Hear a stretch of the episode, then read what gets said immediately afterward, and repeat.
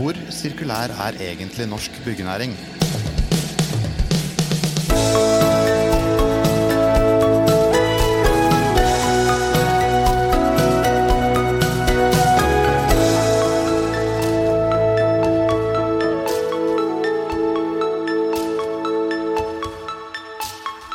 Norge skal være et foregangsland i utviklingen av en grønn, sirkulær økonomi, står det i Granavolden-erklæringen. Årlig produseres det omtrent 1,5 millioner tonn avfall fra den norske byggenæringen. Og en fersk rapport viser at bygg og anlegg står for 20% av all avfallsproduksjonen i Norge. Og at vi kun klarer å resirkulere 28,8% av det. Med oss i byggeplassen for å finne ut om det er bra eller dårlig, og hvordan vi uansett skal bli bedre, har vi Jon R. Moen, daglig leder i BA Digital, og Katrine Barth, medgründer og strategileder i Circular Norway, som bl.a. står bak The Circularity Gap Report, hvor tallene vi nettopp brukte, er henta fra. Katrine, kan ikke du begynne med å forklare lytterne hva som menes med sirkulærøkonomi? Sirkulær økonomi er jo ikke noe nytt. Det er noe vi pleide å drive med helt fram til kanskje fire-fem-ti år siden, og det handler om å ta vare på. Eh, I en sirkulær økonomi så bevarer vi verdiene i kretsløpet, og vi tar, forhindrer at de forsvinner ut av kretsløpet. Så eksempel eh, Laftehuset, som er den norske modellen for å bygge hus, er et perfekt eksempel på byggeskikk i en sirkulær økonomi. Uh, Circular Norway lanserte nylig rapporten som vi viste til i åpninga av podkasten. Uh, eh, vi registrerer at BNL sine tall fra næringa, henta fra Statistisk sentralbyrå, tilsier en materialgjenvinning på 43% i 2018, som er ganske mye bedre enn 28,8% som kommer fram i rapporten deres. Men hva er egentlig de viktigste funnene for byggenæringa som de bør merke seg i denne rapporten her? Eh, det, det, som denne rapporten det viser, det som er, uh, Grønn byggallianse og byggenæringa nå har begynt å rekke opp hånda på, det er at dette byggenæringa er egentlig den skjulte klimakjempen i Norge. Byggenæringen har et utrolig potensial for å for det allerede vist seg fram og begynt å jobbe innenfra og si vi er, gjør oss klare til en sirkulær omstilling. Uh, og veldig mye av klimaavtrykket som norske bygg og etterspørselen i måten vi bygger på, det er avsetninger vi gjør i andre land. Og de materialfotavtrykkene som det krever uh, når vi velger uh, jomfrualuminium eller jomfrustål eller bruker sement i den hurtigtakten som vi gjør nå, det er overhodet ikke bærekraftig. Men vi har råd til å kjøpe oss ut av problemene. Eh, så i overordna, altså overordna bilde for hvorfor trenger vi en materialstrøms eller analyse for å se hvor går materialene på tvers. Ikke bare hva skjer i byggefase, hva skjer i anleggsfase, hva skjer i driftsfase. Så denne analysen gir et bilde av hvor går materialstrømmene fra eh, jord til det forsvinner ut av kretsløpet. Det det viser, at det er forsvinnende lite av materialene som kommer tilbake i kretsløpet. Det gjelder både byggenæringa, men det er denne næringa veldig godt i, i, gang med å finne ut av sjøl. Eh, men for Norges del så er det kun 2,4% av ressursene som kommer tilbake i det norske kretsløpet. Det er en trist og det er en ganske oppsiktsvekkende og sjokkerende tall å ta inn over seg. Men eh, kjennere og forskere sier ja, men dette vet vi jo veldig veldig godt. Vi har bare ikke kunnet måle det før. Men Jon, du er også opptatt av sirkulærøkonomi. Fortell litt om bakgrunnen for det. Ja, Sirkulærøkonomi eh, det, det er jo et tankesett som er veldig nødvendig å, å ta, ta, inn i næringen for, for, å komme videre. Men eh, jeg er også opptatt av det, for eh, vi har etablert avfallsfrie byggeplasser. Og det er jo et helt nytt tankesett eh, å, å, ta inn i bransjen. Eh, det vi har gjort, er jo at vi går fra at eh, avfall er et akseptabelt biprodukt fra å leve eller fra å bygge, til at, eh, eh, til at eh, vi ikke skal produsere avfall i hele tatt. Når vi jobber med det, så, så får, vi, får, vi, kontroll på alle elementene i, i, byggeprosjektet, og da er vi inne på sirkulærøkonomi.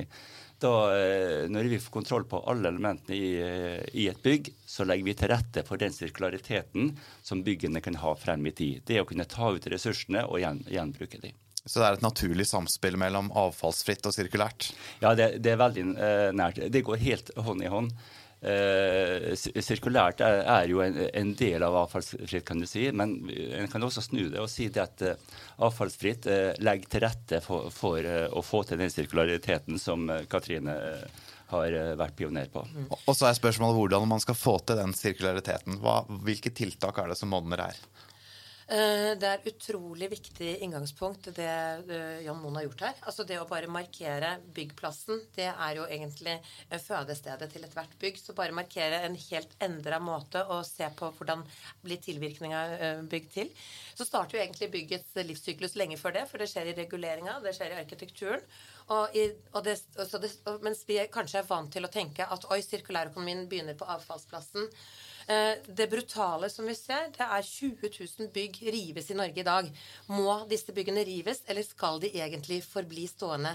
Det er tanke nummer én i en sirkulær økonomi. Hvordan tar vi vare på dette? Sånn at du, Det er tre stadier i livssyklusen. Det er hvor starter vi, hvordan holder vi liksom bygget gående, og hvordan forhindrer vi at materialene blir borte eh, når man plukker det fra hverandre og river det fra hverandre igjen. Det kommer en ny retning nå, og det handler egentlig om sirkulær design og sirkulær arkitektur. Og det arkitektene kan gjøre Jeg ville sagt arkitektene er noen av de aller, aller viktigste her. Og byggherrene. For de kommer byggherrene de kommer til å oppdage at uh, disse denne type eiendom, altså hvis du ikke tenker sirkulært, og hvis du ikke har tatt inn sirkularitetprinsipper, så kommer du til å få problemer med forsikring og med finansiering. Eh, så ville jeg heller snudd på hodet at den lineærrisikoen eh, ved å bygge som man bruker bare råvarer som man er gal, og billigst mulig, og ting kastes, det kommer til å bli ganske dyrt etter hvert. Risikoen ved å ha den praksisen blir ganske krevende over tid. Og der eh, er Katrine Grunn inne på et kjernepunkt, dette med finansiering. fordi at ser vi på Finans Norge, som i fjor var ute og Eh, krevde grønn finansiering. Eller de tok med seg 20 banker og, og, eh, fikk til en enighet om at de skal differensiere på bærekraftige lån og ikke bærekraftige lån. Det vil si at byggherrer som bygger bygg som ikke er bærekraftig, får dyre lån. Og, og, de som har bærekraftige, avfallsfrie eller sirkulære løsninger, de får billige lån. Bare den ene brikken der er nok til, å, eh, nok til at det vil endre hele, hele næringen. Men er det noen eksempler på at sånne lån er innvilga det siste året, eller er det ikke starta opp? Eh, jo, eh, dette er eh, starta opp. Eh, jeg, jeg, vet det er starta opp uten at jeg kan komme med, med konkrete eksempel på, på, hvordan dette er. Men eh, det er interessant. Når vi jobber med avfallsfrie løsninger med, med store aktører, så bare for å sitere ene direktør Bare det ene punktet her er nok til at vi skal være med på avfallsfrie byggeplasser og, og utvikle det. For, for Eh, hvis vi ikke er det, så svekker vi vår konkurranseposisjon med at vi får dyrere lån nå fremover i tid. Så, så dette er med å endre næringen. Mm. Eh, det arbeidet som eh, blir gjort av, med avfallsfrie byggeplasser, er veldig konkret og veldig tydelig. og viser, altså I deler av Norge så frakter vi jo mer avfall enn fisk langs norske veier. Eh, så den, den usynlige avfallsberget som er liksom økende, og vi ikke helt forholder oss til hvor dette blir borte, dette er jo den fantastiske grunnlaget for masse ny norsk entreprenørskap og nye løsninger. Det å begynne å se på hvordan kommer vi til å få en utvikling av nye typer materialer som tåler eh, filteret når vi skal begynne å se på hva består det av. Eh, Ehm, jeg hadde en prat med en av mine informasjonsbanker på den nederlandske ambassaden. Jeg lærer veldig mye av praksis i Nederland. fordi at i 2023 eh, så kommer ikke Aben Amrobank til å finansiere eh, boliger eller eiendomsprosjekter som ikke følger disse kriteriene. Og de sier også at for å komme oss eh, til nå de klimamåla som vi skal gjøre innen 2030, så skal 50% av materialene i et bygg være gjenvunne. De lager også gode milepælsplaner. Så allerede i 2023, om tre år, så skal 30 eh, bestå av gjenvunne materialer. Og du som holder på med disse materialene, Jan, du vet jo hvor, de fins jo ikke i dag. Vi må ha en leverandørindustri som er i stand til å kunne levere på denne type krav når bankene begynner å stille krav til dette. Og, og, dette er veldig interessant, fordi at uh, dette med å gjenvinne altså Det er flere gode tanker parallelt her. Det, dette med å gjenvinne vil jo komme fra både det du river, men, men vi, vi, er med å endre bransjen også på den måten at eh, vi vanskeliggjør også noen ting, noen krav som stilles, for vi tar bort avfallet. Da er det ikke noe å få inn i kretsløpet. Eh, sånn at vi, vi ligger utfordrer hverandre på en veldig interessant måte her. Men hvis vi ser, ser nå på at byggebransjen har 20, 20 av, av alt avfallet i Norge. Det er gigantiske mengder. Byggebransjen er Norges største fastlandsnæring, og, og de er de som produserer mest avfall. Når vi da går inn og ser på at vi tar hele den produksjonen, og så går vi fra at vi nå i mange år har jobba med en avfallsreduksjon, Altså Vi har jobba fra 1998, hvis vi ser på statistikken, eh, og fram til nå, altså i over 20 år, og putta inn store eh, midler hvert eneste år i avfallsreduksjon, og et resultat på null gevinst, altså null reduksjon. Og Dette fortsetter vi med. og så På et tidspunkt så må vi oppdage det at eh, når vi da gjør det samme og forventer eh, eh et annet resultat, så fungerer det ikke. Og, eh, og så, så her må vi gjøre noe annet. Og så spørs det da eh, skal vi virkelig gjøre noe som virker, eller skal vi bare prøve å omdefinere oss ut av dette? Og En måte er jo å si det at nei, men la oss da kalle avfallet for, eh, for en ressurs i stedet. Og Om vi nå ser på et, et avfall, eh, om vi nå starter å se på det kretsløpet litt Fra vi tar eh, et materiale ut av skogen eller ut av, av gruva, vi tar det ut og lager eh, frakter det et sted og lager materialer av det, videre et nytt sted og lager produkter av det, videre til en byggeplass der vi tar det inn, og der vi kapper av da om vi ser 20% eller 14% etter hvordan du ser på det, og bærer det ofte ut så leverer vi dette til et uh, avfallssted og betaler penger for det. Og så skal vi si at dette er en ressurs vi må ta vare på.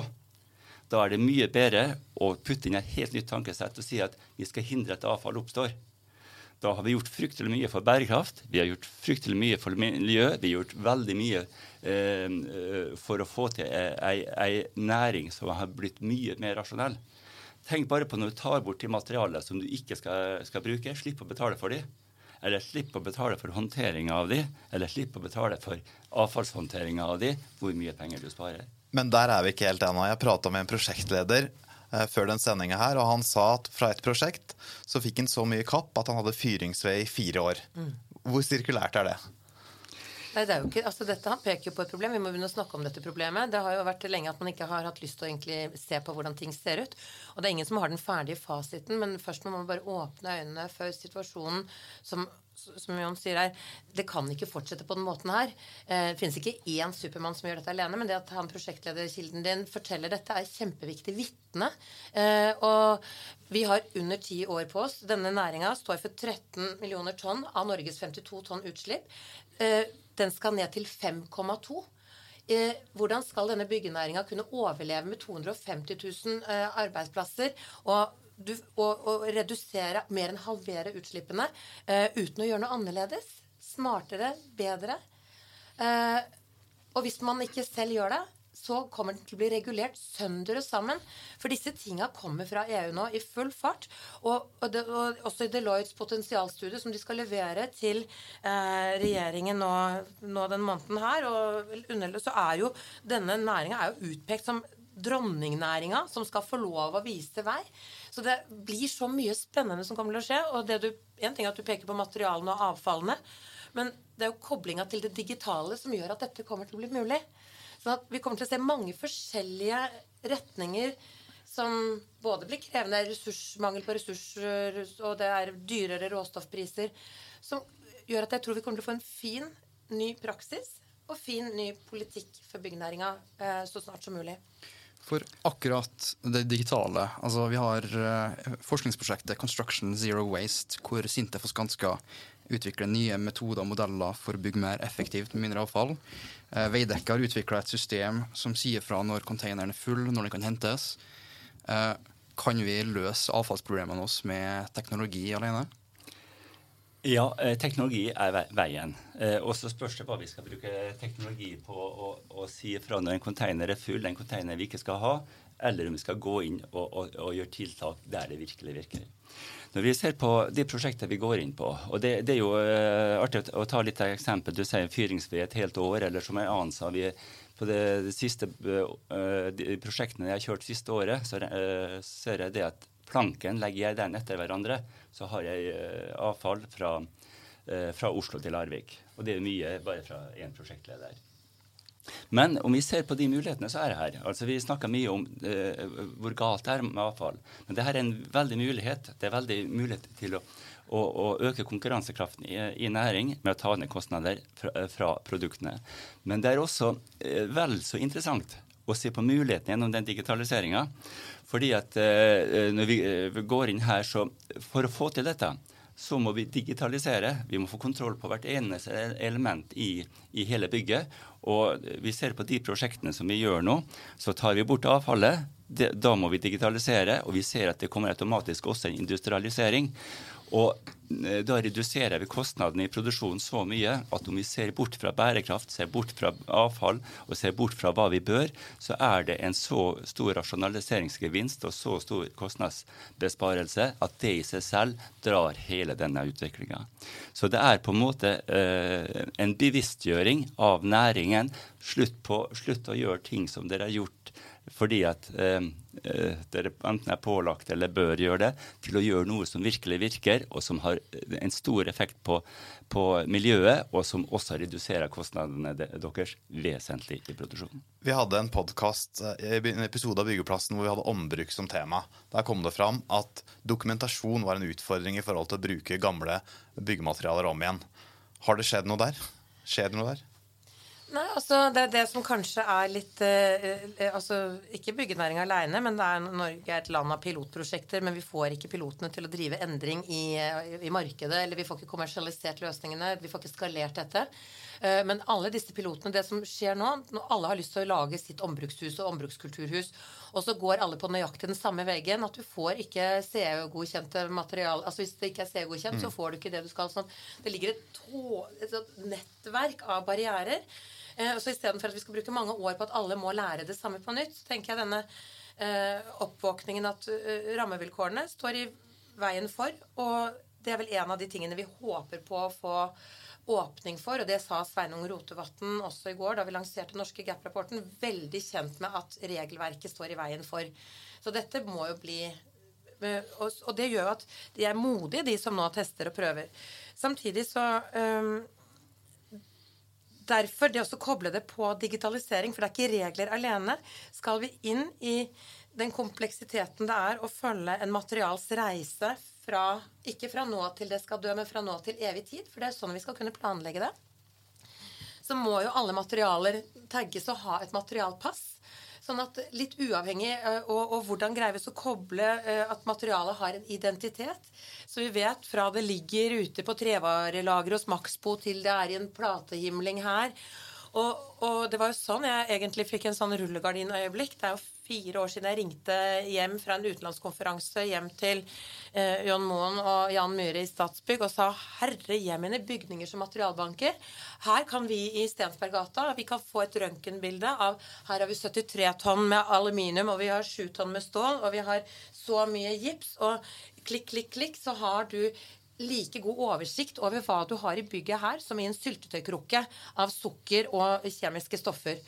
Og det som er gøy da, å oppdage når vi går inn i dette for å tenke systemendring Når alle nye bygg kommer med sin egen inventarliste, og du kan sanntidsbenchmarke materialverdiene til råstoffmarkedet, råvarebørsen i London, så kan verdien av dette bygget her da, Plutselig er det ikke bare sånn Å, her er kvadratmeterverdien, nå passerte vi 100, og noen blir veldig glad for det. Men da begynner vi faktisk også å se at verdien, sanntidsverdien av et bygg eh, handler om råstoffprisen.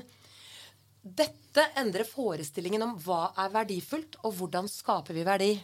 Men det er et skikkelig systemskifte, og det har vært så spennende å få lov å spare med digitalavdelingen i Statsbygg da dette nye, litt sånn annerledes måten å se på hvordan blir bygg til. Og var egentlig oppstarten til veldig, noen av de innovasjonsprosjektene som har vært gjort tidligere også. Men, men, hva med Dere snakker om nye bygg. Hva med gamle bygg? Majoriteten av de byggene som står i denne byen her, er jo gamle. Ja. Og vi, veksten i denne eiendomsnæringa og byggnæringa kommer til å komme i ombygg. Man har veldig gode praksis på nybygg, så det å liksom sette i gang og sånn og sånn og åtte uker der og seks uker der Men alt det føsset som er å drive med et ombygg, og dårlige strukturer Mye av innsikten gir at det er tilfeldig praksis, og det er usikkert, det er utrygt. Det, så det å identifisere hvordan kan vi måle altså når, når, du sier hvordan kan vi eh, tagge og trace alt inventar i et eksisterende bygg på en måte sånn at vi har tillit til den kvaliteten det er, eh, og hvem har ansvar for de ulike elementene. Det kommer til å komme masse ny læring på byggeskikk, men jeg tror den gjengen som har testa på digitalisering, på samskaping, på samhandling, vi vil se nye måter å drive kontrakter og entreprenørskap i ombyggingsprosjekt. Men Hvordan skal du få det tankegodset her ned på gulvet? Hvordan skal du få de som faktisk skal legge noe i en container, til å legge det riktig container? Ja, du eh, Hvis man skal ha en container, da, for det skjønner ja, at man ikke skal ha. Jeg, jeg, tror, tror, jeg, tror, det er spørsmålet. Det er å ta Sånn som vi jobber, er at vi tar for oss ett og ett produkt, kun ett produkt innenfor hvert prosjekt nå, der vi går helt til null avfall. Og ikke bare null avfall på byggeplass, men også hos produsent som eh, produserer til byggeplass. Eh, et eksempel på det hvis du tar trestendere, så må produsenten fingerskjøte eh, plankene før de kapper de. Dvs. Si at de får en uendelig streng de kapper av, og de får i, i prinsippet null avfall. Og, og, det tankesettet tar vi inn, og da får vi null avfall. Og da skal vi, eh, skal vi ta bort konteineren innenfor det produktet. Det er det vi måles på. Da er vi på en helt, helt nytt tankesett.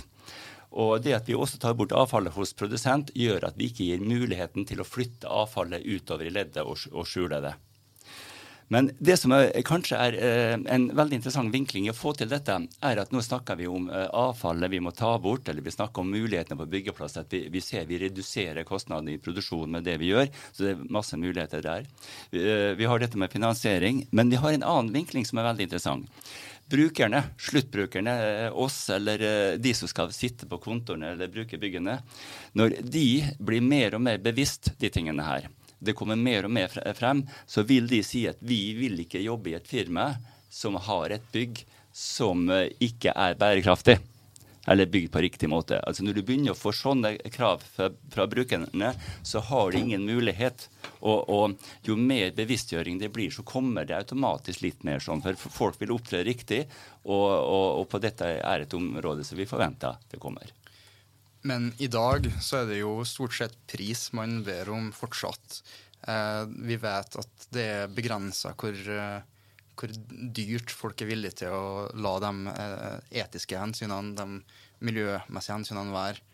Eh, men kan, kan, det balanseres? Kan vi få til både lønnsomhet og Ja, Sirkulærøkonomien handler om å forsterke reparasjonsevne. altså det å komme, ta tilbake håndverks gå fra å være montører til å bli håndverkere igjen.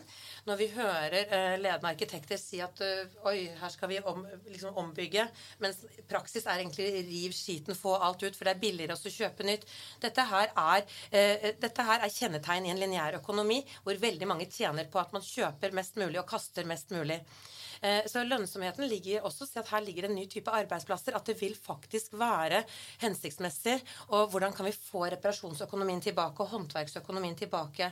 Når vi vet at uh, i næringsbygg som hvert tredje år skal liksom alt kastes ut og skiftes og bli borte. Uh, et enormt svinn av materialer. Hvorfor skal det være sånn? Hvem tjener penger på dette? Når vi også vet at regnskap, hvordan, hvordan teller vi verdi? i en lineær økonomi handler også om at vi har regler og avskrivingsregler som subsidierer det lineære.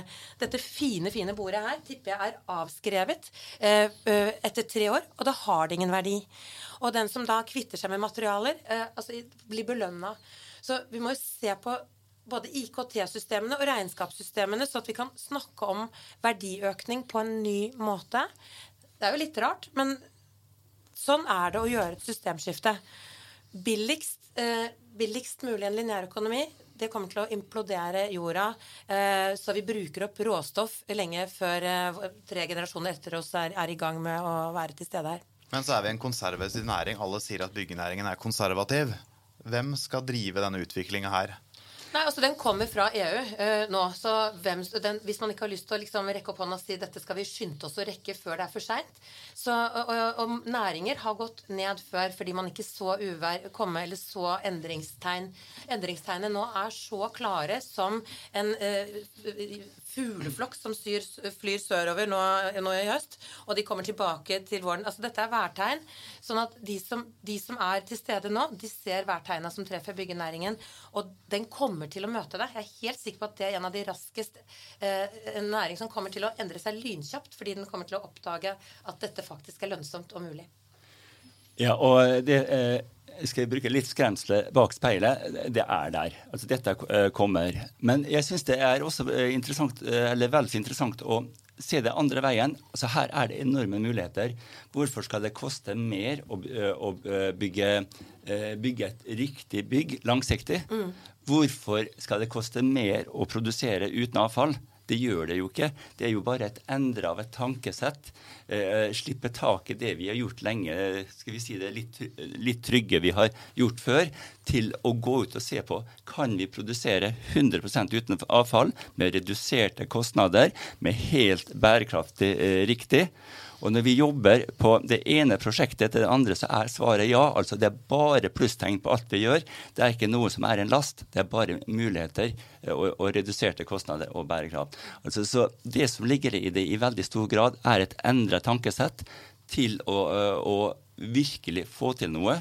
Og så, det som vi har sett har vært en suksess i det vi holder på med, er å ta volumet ned. Helt ned og si det er kun ett produkt vi skal gjøre dette med på, på, første prosjektet. På neste prosjektet du kjører, da kan du ta inn et produkt til. Men når vi da forenkler det ned på den måten, så greier vi å ha så fokus på det at vi får helt null på det. Og da ser vi at det er mulig, og vi ser at vi sparer kostnader. Men hvilke produkter er den store besparelsen på? Er det noen spesielle produkter som eh, utmerker seg? Ja, du kan nesten si at alle utmerker seg. Hvis vi ser et på plank på, uh, på, på, et større prosjekt, så var det plank fra Oslo til Larvik. Hvis vi ser det at byggeprosjekter byggeprosjektet kjører ut 20% og over 30% av av alle gipsplatene eh, ut igjen, eller bærer de ut eh, fordi det er vanskelig å få de ut igjen, eh, så, så, ser vi det er enorme mengder. Hvis vi tar alle rørene i bygg og ser på de enorme mengdene en har oppi en container og klistrer sammen og får det ut igjen, så, så det er nesten bare å, å, å, å liste opp fra de, fra de, som gir størst volum i avfallskonteineren, og, og, starte øverst der og gå nedover. Det er et enormt potensial. Og de er ikke så høythengende frukter. Eh, men det handler jo også om at sirkulære forretningsmodeller det er jo designa for å skape verdi og holde ressursene i kretsløpet. Så når du ser Selvågbygg reiser seg opp og snakker om at vi går fra eie til leie, så er det en måte å tenke verdiskapning på en måte som man kanskje ikke er så vant til å kjøpe og salg og kjøpe og salg, men at vi bytter og panter og deler, merbruker, eh, flerbruker eh, løsningene. Nå har uh, NITO tidligere etterlyst en statlig sirkulær startpakke. Uh, Circular Norway tok også til orde for det her. Uh, hvordan ser dere for dere at det kan fungere? Eh, NITO er en kjempespennende samarbeidspartner. De organiserer 90 000 ingeniører, og 3000 av dette er byggingeniørene. Nei, det er mulig at det er flere. Men det å ta med seg byggingeniørene på laget når man skal lage noe nytt, tror jeg er alfa og omega. Du spør hvem skal gjøre endringen. Man må jo spørre fagfolka som kan dette, og det er dit for de være med eh, og se på løsninger. Eh, NITO og vi, de var med i Byggfloken for hvordan lager vi nye løsninger som kan realiseres som vi mangler i dag.